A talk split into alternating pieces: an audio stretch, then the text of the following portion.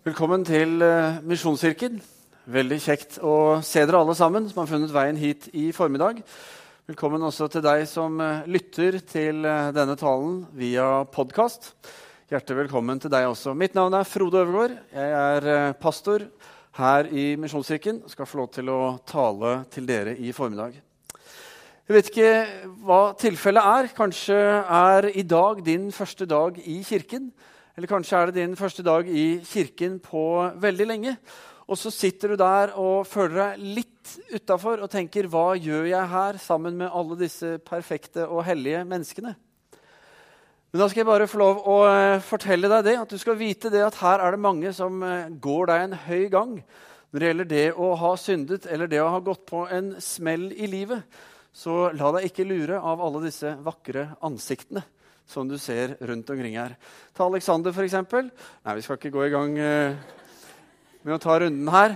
Men poenget er at når vi kommer hit, uansett hvem vi er, så kommer vi eh, på lik linje. Vi har alle med oss en bagasje, vi har alle noe som preger livet vårt på en eller flere måter.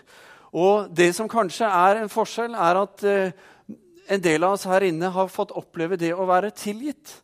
Det å få lov til å legge fra seg en del av de tingene som har blitt vanskelig i livet. Og det forteller noe om eh, hvorfor vi kommer til Gud. Fordi Gud ønsker å møte oss akkurat der hvor vi er.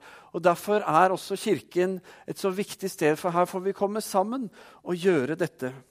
For her kan vi komme og legge fra oss det som tynger.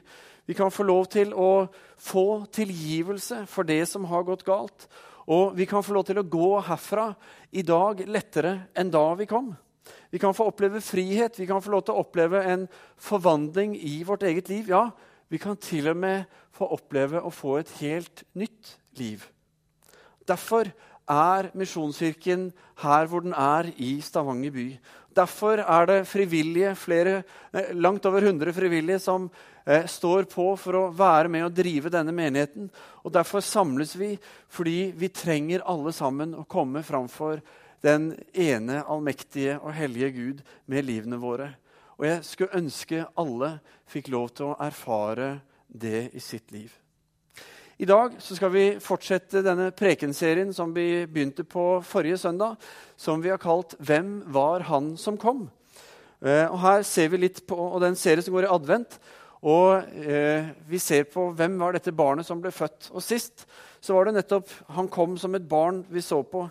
Eh, og vi så på hvordan Jesusbarnet så tydelig skiller seg ut i verdens historie. At det er nesten utenkelig å ikke stille seg spørsmålet hvem var han som kom? I dag skal vi ta fatt på det andre verset som vi sang innledningsvis i dag. I adventssangen hvor vi sang 'Vi venter på at Gud, vår Far, vil gi sin sønn hit ned'. Vi skal snakke om Sønnen. Eh, Bibelen forteller oss at han som kom, han var en sønn. Og han var ikke bare en hvilken som helst sønn, men han var Guds egen sønn. Eh, og det at Guds sønn blir født som menneske, det er ganske oppsikts, oppsiktsvekkende. Ja, det er ganske, eller faktisk utrolig for mange mennesker i ordets rette forstand.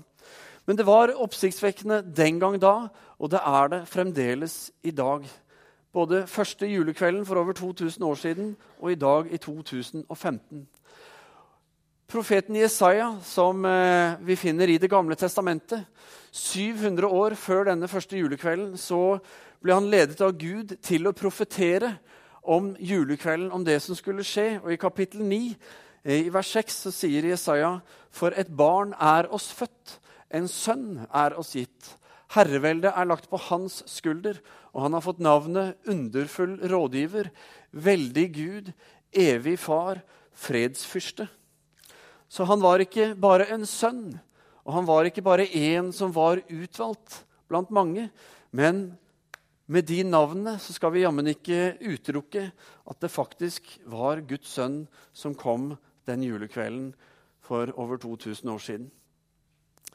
Men når vi ser på omstendighetene rundt eh, denne sønnen som blir født, så er det lite som får oss til automatisk liksom å tenke at ja, det må jo selvfølgelig være Guds sønn som blir født under slike kår. Vi ser at det er fattige kår. Vi ser at det er uh, ingen bostedsadresse som uh, Josef og Maria forholder seg til. Vi ser at uh, det er ikke noe sykehus, det er ikke noe hjelp å få. Ingen nær familie som assisterer og heier på og sørger for at dette skal gå bra. Men Bibelen forteller at det er en far i himmelen som følger med, og som ser på dette med et ganske annet perspektiv enn det vi lett gjør. Som jeg sa sist søndag, når Gud blir menneske, når han kommer til oss, så handler det først og fremst om deg og meg. Han kommer ikke for at alle skal komme til han og si 'wow, så bra du er', liksom. Men han kommer til deg og meg for å vise oss hvem vi er, for å gi oss en reddende hånd. Og det er Gud selv som stiger ned Paulus sier at eh, Jesus eh, tar på seg en tjeners skikkelse. Han la av seg sitt eget. Altså eh, det å, alt det å være Gud liksom, som eh, han hadde, det la han til side. Og så ble han en tjener for å komme og tjene oss, komme oss i møte, vise oss hvem Gud er, og demonstrere en ekte, hel, betingelsesløs kjærlighet. Og med det, med denne fødselen, med denne, dette barnet, denne sønnen, så starter det vi kan kalle Guds veiprosjekt mellom himmel og jord. Et prosjekt som skulle fullføres gjennom Jesu død og oppstandelse. Jesus, når han blir født i Betlehem for over 2000 år siden, så blir han født inn i en kultur hvor det å ha mange barn var regnet som en velsignelse, og hvor enhver førstefødt sønn hadde en spesiell posisjon. Han eh, skulle få lov til å overta en dag etter faren. Han skulle være det nye overhodet i familien. Og skulle, eh, når man fordelte arven, så fikk den førstefødte sønnen eh, han fikk dobbel del av farsarven. Og Det viser noe om at den førstefødte sønnen han trengte ikke være den førstefødte, nødvendigvis, men den førstefødte sønnen hadde en spesiell betydning. og Vi ser det også gjennom Det gamle testamentet. Går du til Abraham og Sara, som vi møter allerede i første Mosebok, så ser vi at eh, de levde et langt liv i fortvilelse over å ikke bli velsignet med barn. Eh, de følte seg forbannet fordi de hadde ikke fått noe barn i det hele tatt, og heller ikke en sønn som kunne bringe eh, familiearven videre. Vi ser at de får et løfte fra Gud. Gud sier dere skal få et barn. Og det sier han når eh, når eh, Sara er 80 år. ikke sant? Og så lever de troen på dette, men så skjer det som ofte skjer, at når ting ikke skjer i vår tid, når vi vil, så blir vi utålmodige, og så tar vi tingene i egne hender og så begynner vi å handle på Guds vegne. Og Det skjedde med Abraham og Sara. Fordi Sara sa du må få et barn. ikke sant? Og så fikk eh, Abraham en sønn med en slavekvinne, med Hagar. Og de fikk sønnen Ishmael.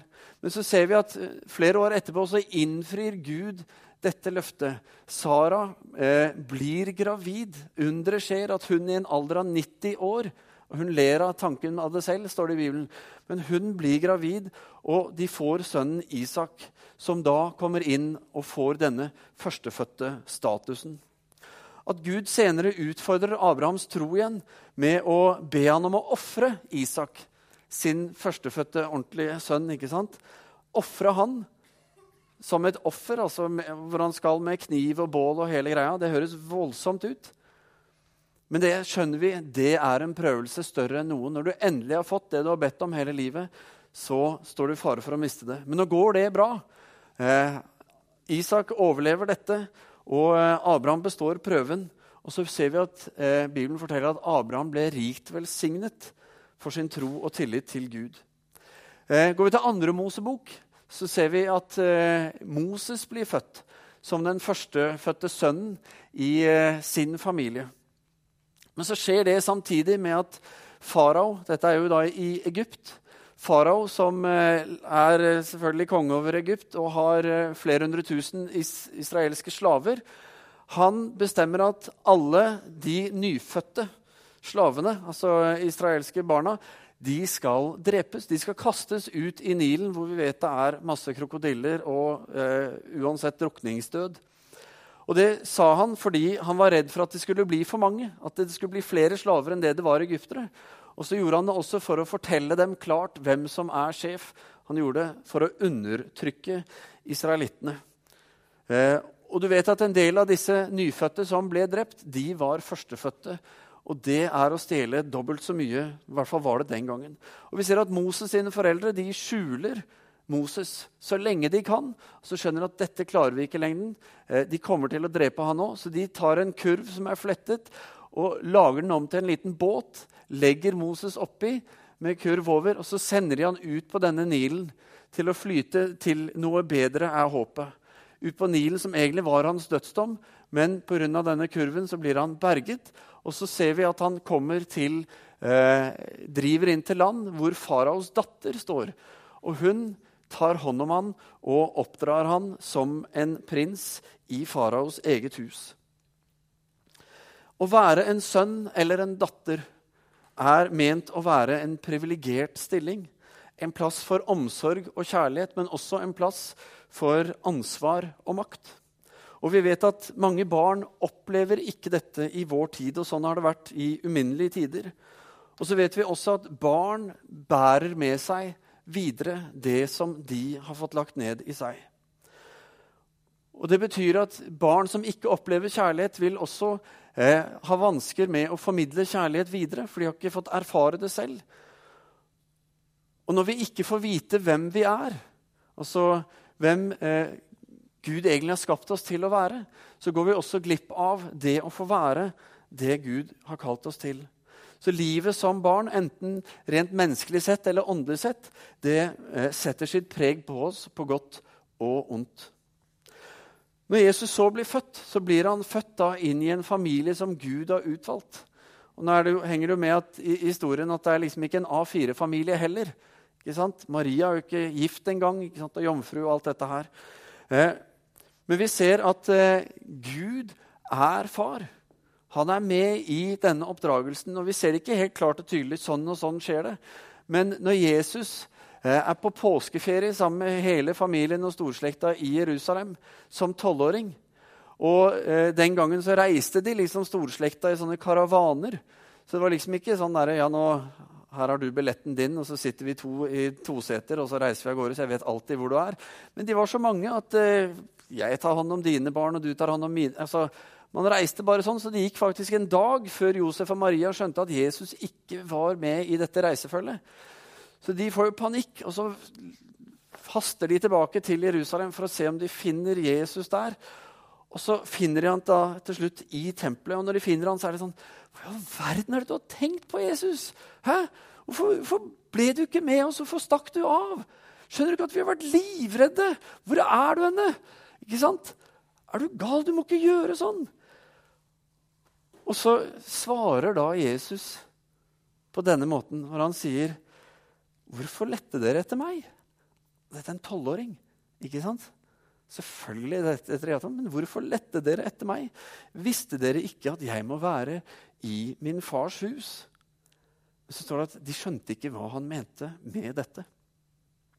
Når Jesus så i voksen alder, eh, flere år senere, starter sin gjerning, så eh, gjør han det med å gå til døperen Johannes, som så mange andre gjorde, og så lar han seg døpe. Men så står det det at når Jesus var blitt døpt, så eh, åpnet himmelen seg over han. Og så står det at Den hellige ånd kom ned over han i skikkelse av en due. Og en, løst, løst, en røst lød fra himmelen som sa, 'Du er min sønn, den elskede. I deg har jeg min glede.' Og det blir på en måte en Gud som bekrefter hvem Jesus er, for alle. Ikke, nå vet ikke jeg om alle hørte det, men det står at uh, dette hørte man. på en måte. Og så er det en slags oppsummering på det forholdet som Jesus som sønn og Gud som far har med hverandre. En uh, pastor og forfatter som heter Chris Voluton, han forteller om uh, uh, sine to barn som sitter en dag og ser på TV. Og Det er en naturprogram, og det handler om krokodiller og det handler om firfisler. Og eh, Dette er selvfølgelig, selvfølgelig, engasjerende for disse barna. Eh, så når programmet er over, så tenker de ja, hva skal vi gjøre nå? Og Da sier yngstemann, sønnen, han sier, 'Skal vi leke krokodille og firfisle?' Barn har den fantastiske fantasien at de kan gjøre det. Og så sier storesøster, eh, som er større, men ikke sterkere, hun sier, 'Ja, det gjør vi! Jeg vil være krokodille, så kan du være firfisle.' Og så setter de i gang å herje og lekeslåss og tulle og tøyse. Men så, fordi lillebror er sterkere, fysisk sterkere, så ser vi at firfisla han vinner hele tida. Det er han som har liksom overtaket og, og liksom holder denne krokodillen fast stadig vekk. Og det skjønner jo søstera at nei, dette går ikke an. Det er jo ikke sånn det fungerer. det er jo ikke sånn denne leken skal være. Så hun sier nei, nå er det slutt. Jeg er krokodille, det er jeg som skal vinne disse kampene. Firfisler er jo bare små tullete, ikke sant? Så aksepterer han det, og så slåss de videre, hvor den svakere får lov til å dominere den sterkere. Fordi sånn var det man mente det skulle være. Noen, eh, eller TV var sånn. Og så tenker jeg at denne scenen er en scene som de aller, aller fleste av oss har levd i eller lever i på en eller annen måte. Noen har fortalt oss at vi ikke er det vi er. At vi ikke er kanskje den sønnen som vi trodde vi hadde, eller håpet vi skulle være. At vi ikke er den medarbeideren eller hva det nå måtte være. Og det gjør at det er viktig at vi spør oss selv hvem er det vi lytter til. Hvem er det som får eh, tale inn i våre liv? Lytter vi til det negative, så blir vi påvirket av det negative. Men så er det sånn at når Gud får tale inn i livet til Jesus, og det er jo det vi ser Når han får tale inn i livet til Jesus, så er det med bl.a. ordene som vi hørte. Du er min sønn, den elskede. I deg har jeg min glede. Og det er fantastisk å høre for et barn, for en sønn. Og Jesus visste pga. det forholdet han hadde, og fordi Gud fikk tale inn i livet hans, og han hørte på det, så visste han hvem hans far var. Og han kunne handle i tro, i tillit og i lydighet til Gud, sin far. Og Derfor kunne Jesus på så mange måter leve det vi kan kalle et overnaturlig liv. Altså Han kunne handle på måter som var overraskende for alle. Og Det handlet om at han lyttet til sin far. Det handlet om at han hadde et forbilde. Han så hva sin far gjorde. Og så handlet han etter det, og det gjorde at det han fikk være med på, var langt større enn omstendighetene rundt han. Han fikk lov til å bringe himmelen, han fikk lov til å bringe Guds rike inn i vår hverdag. Inn i vårt rike, på vår jord. Moses, som vi snakket om i stad, han slapp. Som kanskje den, e, som den eneste israelitten så slapp han å vokse opp som en slave i Israel. Han ble oppdratt som en prins i faraos hus. Han fikk høre at han var en person av betydning. Han fikk høre at han var elsket. Han hadde tjenere som kom og som bøyde ned for han eh, når de kom han i møte. Han ble bygd opp til å være en selvsikker og trygg mann gjennom sitt liv i faraos hus. Og så skjer det mye i hans liv, men når han kommer tilbake, så kan han, fordi han eh, vet alt det han vet, han har fått den oppdragelsen han har, så kan han våge med Guds hjelp å gå og gjøre det ingen slave våget å gjøre. Og det var å gå og tale farao midt imot og si 'slipp' folket mitt fri på Guds vegne.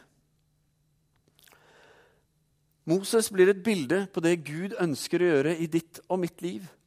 Han ønsker å berge oss ut fra å leve i undertrykkelse, leve under syndens slaveri, som Bibelen snakker om. Han ønsker å berge oss inn i et lovet land, inn i noe bedre, inn i fellesskap med Han hvor vi skal få lov til å leve ut ifra hans makt, ikke undertrykket under syndens makt. Jesus sa i Johannes 5, så sa han i vers 19, sier han, Sannelig, sannelig, jeg sier dere, sønnen kan ikke gjøre noe av seg selv, men bare det han ser sin far gjøre. Og det far gjør, det gjør også sønnen. Det hørtes nydelig ut for oss som fedre om gutta våre eller ungene våre hadde gjort akkurat sånn hele veien. Det hadde vært enkelt. Men dette er Jesu vitnesbyrd om sitt liv. Og Det forklarer også hvorfor Jesus fikk slik en enorm betydning, ikke bare i sin egen tid, men han har det den dag i dag, i våre liv, i millioner av mennesker sitt liv. Når Gud sender sin sønn til jorden, så er det for å vise oss sitt farshjerte. Ikke bare for å vise det til Jesus, men for å vise det til deg og meg. Hvordan han ser på oss. Eh, og, vi lov, og, hvem vi får lov til å være gjennom Jesus. Duncan Smith, som også er pastor og forfatter, han eh, formulerer han sier Guds sønn ble menneskesønnen, for at, eh, for at vi som menneskesønner og menneskedøtre skulle bli Guds sønner og døtre. Han kommer for å vise oss noe mer. Vise oss at vi er sterkere, vi er bedre, vi har mer i Han. Så Jesus introduserer en helt ny forståelse av eh, livet sammen med Gud. Han forteller oss at Gud er vår far. Og med Gud som vår far så er også Jesus vår bror. Neste bilde. Plutselig er det en som snakker om Gud. Snakker om Gud som en far. Ikke bare som sin far, men som vår, som din og min far. Ingen hadde gjort dette før, og for de skriftleide, de som kunne Skriftene, så var dette uhørt. Ja, det var blasfemisk å tenke sånn om Gud. Men for folket som hørte på, så var det som å komme hjem. Det gjorde noe i hjertene deres. Det gjorde noe, fordi plutselig var det en relasjon der som de hadde lengtet etter, som Jesus satte ord på og viste de og sa sånn er det. Og Vi ser det bare i Matteusevangeliet, i bergprekten, i disse tre kapitlene, kapittel 5, 6 og 7, så snakker Jesus om eh, Gud som vår far. Ikke bare som sin, men som vår far. Hele 15 ganger. Og det er banebrytende i forhold til alt hva som har vært i Bibelen før. Han formidler en relasjon med Gud i himmelen som gir troen en helt ny dimensjon. Fordi plutselig så er det en levende relasjon mellom himmel og jord. Fordi Gud er vår far, og vi er hans barn. Og det igjen gjør at eh, spørsmålet blir superrelevant. Både for oss og for de som levde den gangen da. Hvem var han som kom? Var han ikke noe mer enn bare et barn, bare en sønn. Paulus sier i Galaterne 3.: For dere er alle Guds barn ved troen i Kristus Jesus. Og Johannes sier omtrent det samme i eh, sitt evangelium i kapittel 1, hvor han sier.: Men alle som tok imot ham, dem ga han rett til å bli Guds barn, de som tror på hans navn. Jesus er Guds enbårne sønn, den førstefødte.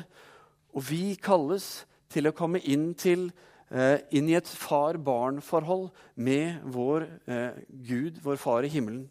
Vi skal få lov til å være sønner og døtre av den levende, allmektige, himmelske Gud.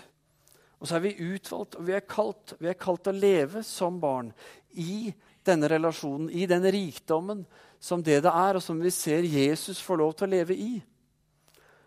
Og når vi takker ja til det, og går inn i det og begynner å følge og tro i tillit og være lydig slik Jesus var, så får vi også erfare dette. Hva det vil faktisk si å være Guds barn i virkelighet, ikke bare i teologi og i tanke. Mange kristne i dag vi opplever ikke dette. Og Det handler ikke om at vi ikke i hjertet vårt har sagt ja, men det handler om at det er vanskelig å lytte. Og når det er vanskelig å lytte, så blir det også vanskelig å følge. Vanskelig å se og erfare dette far-barn-forholdet som vi er invitert til å leve i. Og det er vanskelig å lytte fordi det er så mange stemmer. Og i vår tid i dag så langt mange flere stemmer, tror jeg, som prøver å få vår oppmerksomhet, og som leder vår oppmerksomhet bort fra det vi er ment å være i. Hvor vi tenk, skal fokusere på pengene, på karrieren, på alt det nye, siste nye vi skal ha, på alle materielle ting.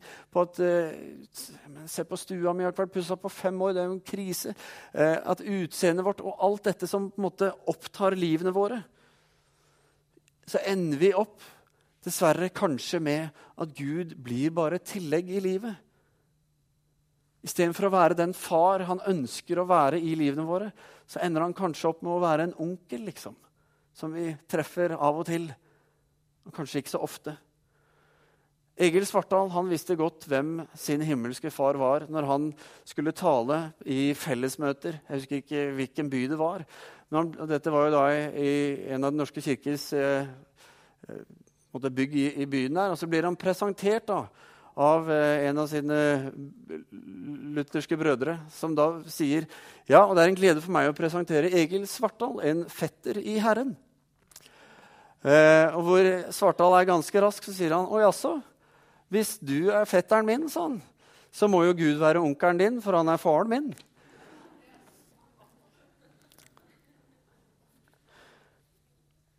Abraham han var en troens mann. Han hadde sagt ja i sitt hjerte til å leve sammen med Gud, til å følge han. Men når ting ikke skjedde som han hadde sett for seg, ja, så ble det vanskelig å fortsette å lytte og fortsette å tro. Og så tok han som vi sa i sted, ting i egne hender. Og så ser vi at når Gud setter Abrahams tro på prøve og ber han om å ofre Isak, sin førstefødte og eneste ordentlige sønn, så er det fordi Abraham trengte å lære, fordi den gangen hadde de muntlig tradisjon. De fortalte videre. Og han trengte å lære å forstå at Gud faktisk var trofast. At når vi står på hans ord og på hans løfter, det han har sagt, når vi lytter og tror, så skjer det han har sagt. Og Abraham måtte erfare at dette var sant gjennom det som skjedde med Isak. Og Derfor sier også hebreerbrevet som et vitnesbyrd om Abraham sier Abraham regnet med at Gud hadde makt også til å vekke opp de døde. Og han levde lenge før det vi gjør. ikke sant? Vi kan jo si ja, Jesus har jo stått opp. Vi leser om Lasarus, og vi kan lese om eh, Evtyke og flere andre som ble reist opp fra de døde. Men Abraham hadde mest sannsynlig ikke sett det. Men han hadde allikevel tro på at dette kunne Gud gjøre. Derfor fikk han sønnen tilbake så står det at i dette ligger et forbilde. Et forbilde for deg og meg.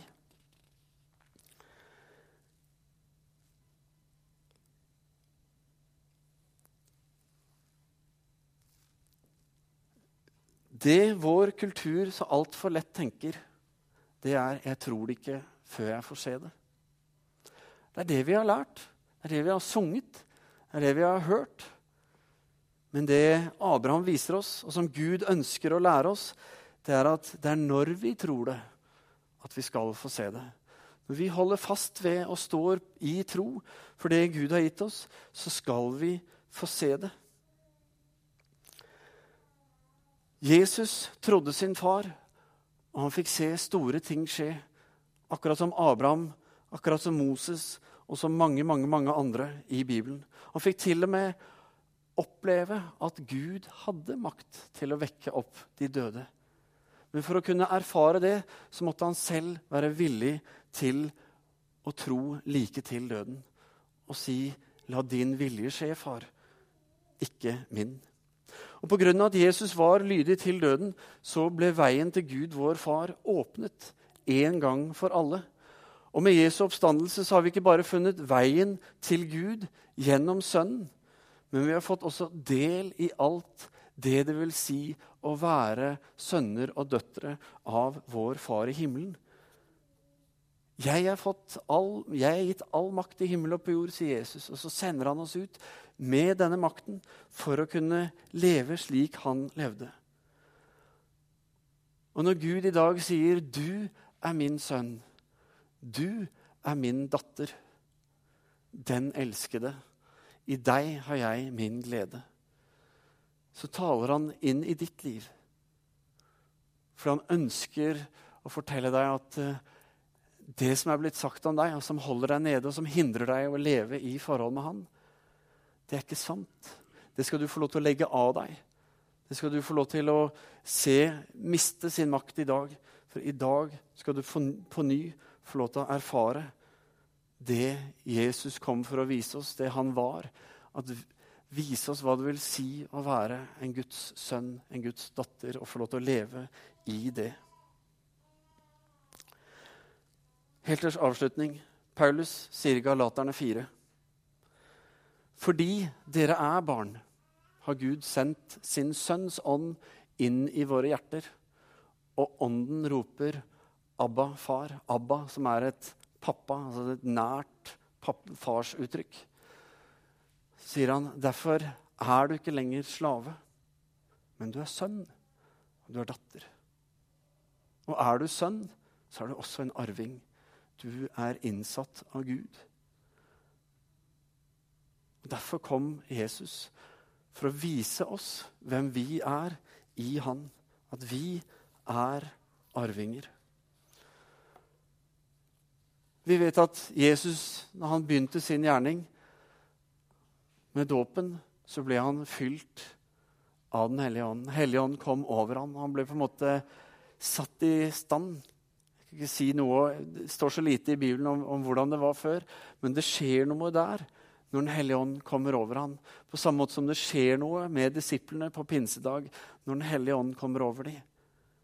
På samme måte ønsker Gud at vi skal få lov til å erfare at det skjer noe nytt i våre liv når Den hellige ånd får lov til å komme og innta våre liv. Fylle oss, lede oss, få lov til å vise oss hva som ikke er av Gud. Sånn at vi kan ta et oppgjør med det og legge av oss de byrdene, de løgnene, de bindingene. Og Derfor er min eh, store bønn for mitt eget liv og for oss som menighet er at vi skal få lov til å leve ved Den hellige ånds kraft, fylt av Han. Slik at, fordi det står nemlig, Paulus sier at ånden er pantet på vår arv. Altså Det er ånden som forteller oss at vi er arvinger. Og så får vi eh, ånden ved troen i våre hjerter, ja. Men at ånden er den som leder oss, og som får lov til å prege vår hverdag. Som viser oss hva Gud ønsker å gjøre, som lar oss bli en del av det Gud gjør i dag. Det tror jeg er en viktig dimensjon for alle kristne. Og jeg tror det er det som løfter oss som menighet til et nivå hvor det ikke handler om hva vi får til her inne, men det handler om hva han har gjort i og gjennom oss. Og det er det som forandrer menneskelivet i dag. Og det begynner med deg og meg, vi som er kalt til å være sønner og døtre.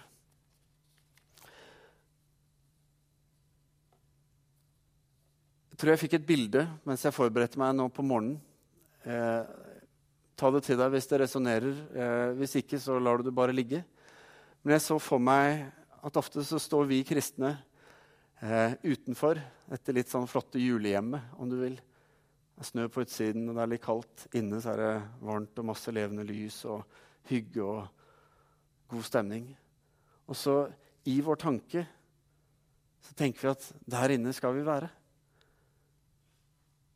Men så er vi blitt fortalt at vi er ikke gode nok. At det er noe i oss som ikke er verdt å være der inne. Og hvis det gjelder deg, så har jeg bare lyst til å si at det er den største løgnen i denne verden. For det handler ikke om hva du har gjort, men det handler om hva han har gjort.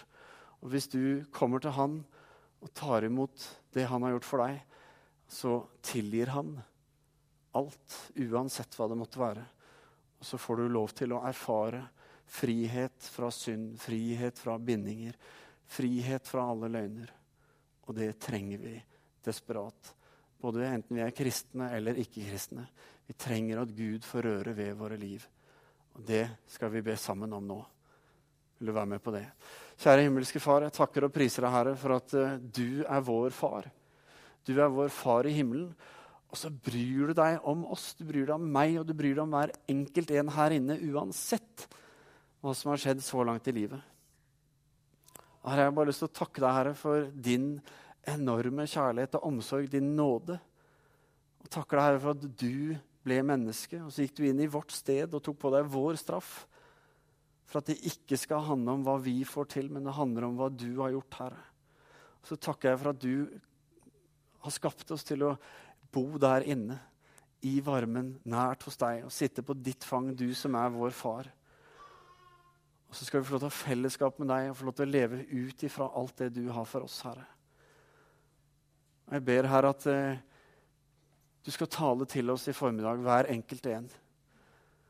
At du skal gjøre et under i våre liv, Herre. At du skal ta bort det som tynger. Ta bort det som binder oss, som holder oss, Herre. Hjelp oss å sette ord på det og gi det til deg i våre hjerter, som vi er i bønn nå. Og si, Herre, ta, ta denne løgnen som sier at uh, det jeg gjorde som ungdom, eller det jeg gjorde i går, det gjør at jeg ikke er verdig. Ta dette som tynger. Og så ber jeg, Herre, at du skal sette det fri. Og så ber jeg at du skal fylle opp, Herre, ikke bare med fred og frihet, men med din Hellige Ånd, Herre. Gjør oss til bevisste bærere av din ånd og kraft. At vi skal gå eh, med en visshet om at du er vår far, at du lever i oss, og at ingenting er umulig for den som tror. At vi skal få be for syke. At vi skal få lov til å eh, snu rundt på eh, alle store verdensproblemer, Herre. Vi skal få lov til å løse ting fordi vi går sammen i ditt navn, Herre. Herre, spreng grensene våre. Akkurat som du sprengte grensene til Sara og Abraham, Herre. Akkurat som du sprengte grensene til alle slavene i Egypt, Herre. Og så videre. La oss alle få kjenne og erfare, Herre, at du er vår far. At vi er dine sønner og dine døtre. Og du kaller på oss og lengter etter at vi skal komme til deg stige inn i det du har for oss, og få erfare din kjærlighet, din omsorg, din nåde, din kraft, Herre. Vi ber, Herre, la din vilje skje i våre liv, Herre, ikke vår egen. Og la det bli en bønn, Herre, som får vokse i omfang i våre liv. Ved din Hellige Ånds kraft, Herre. Vi ber Jesu navn. Amen.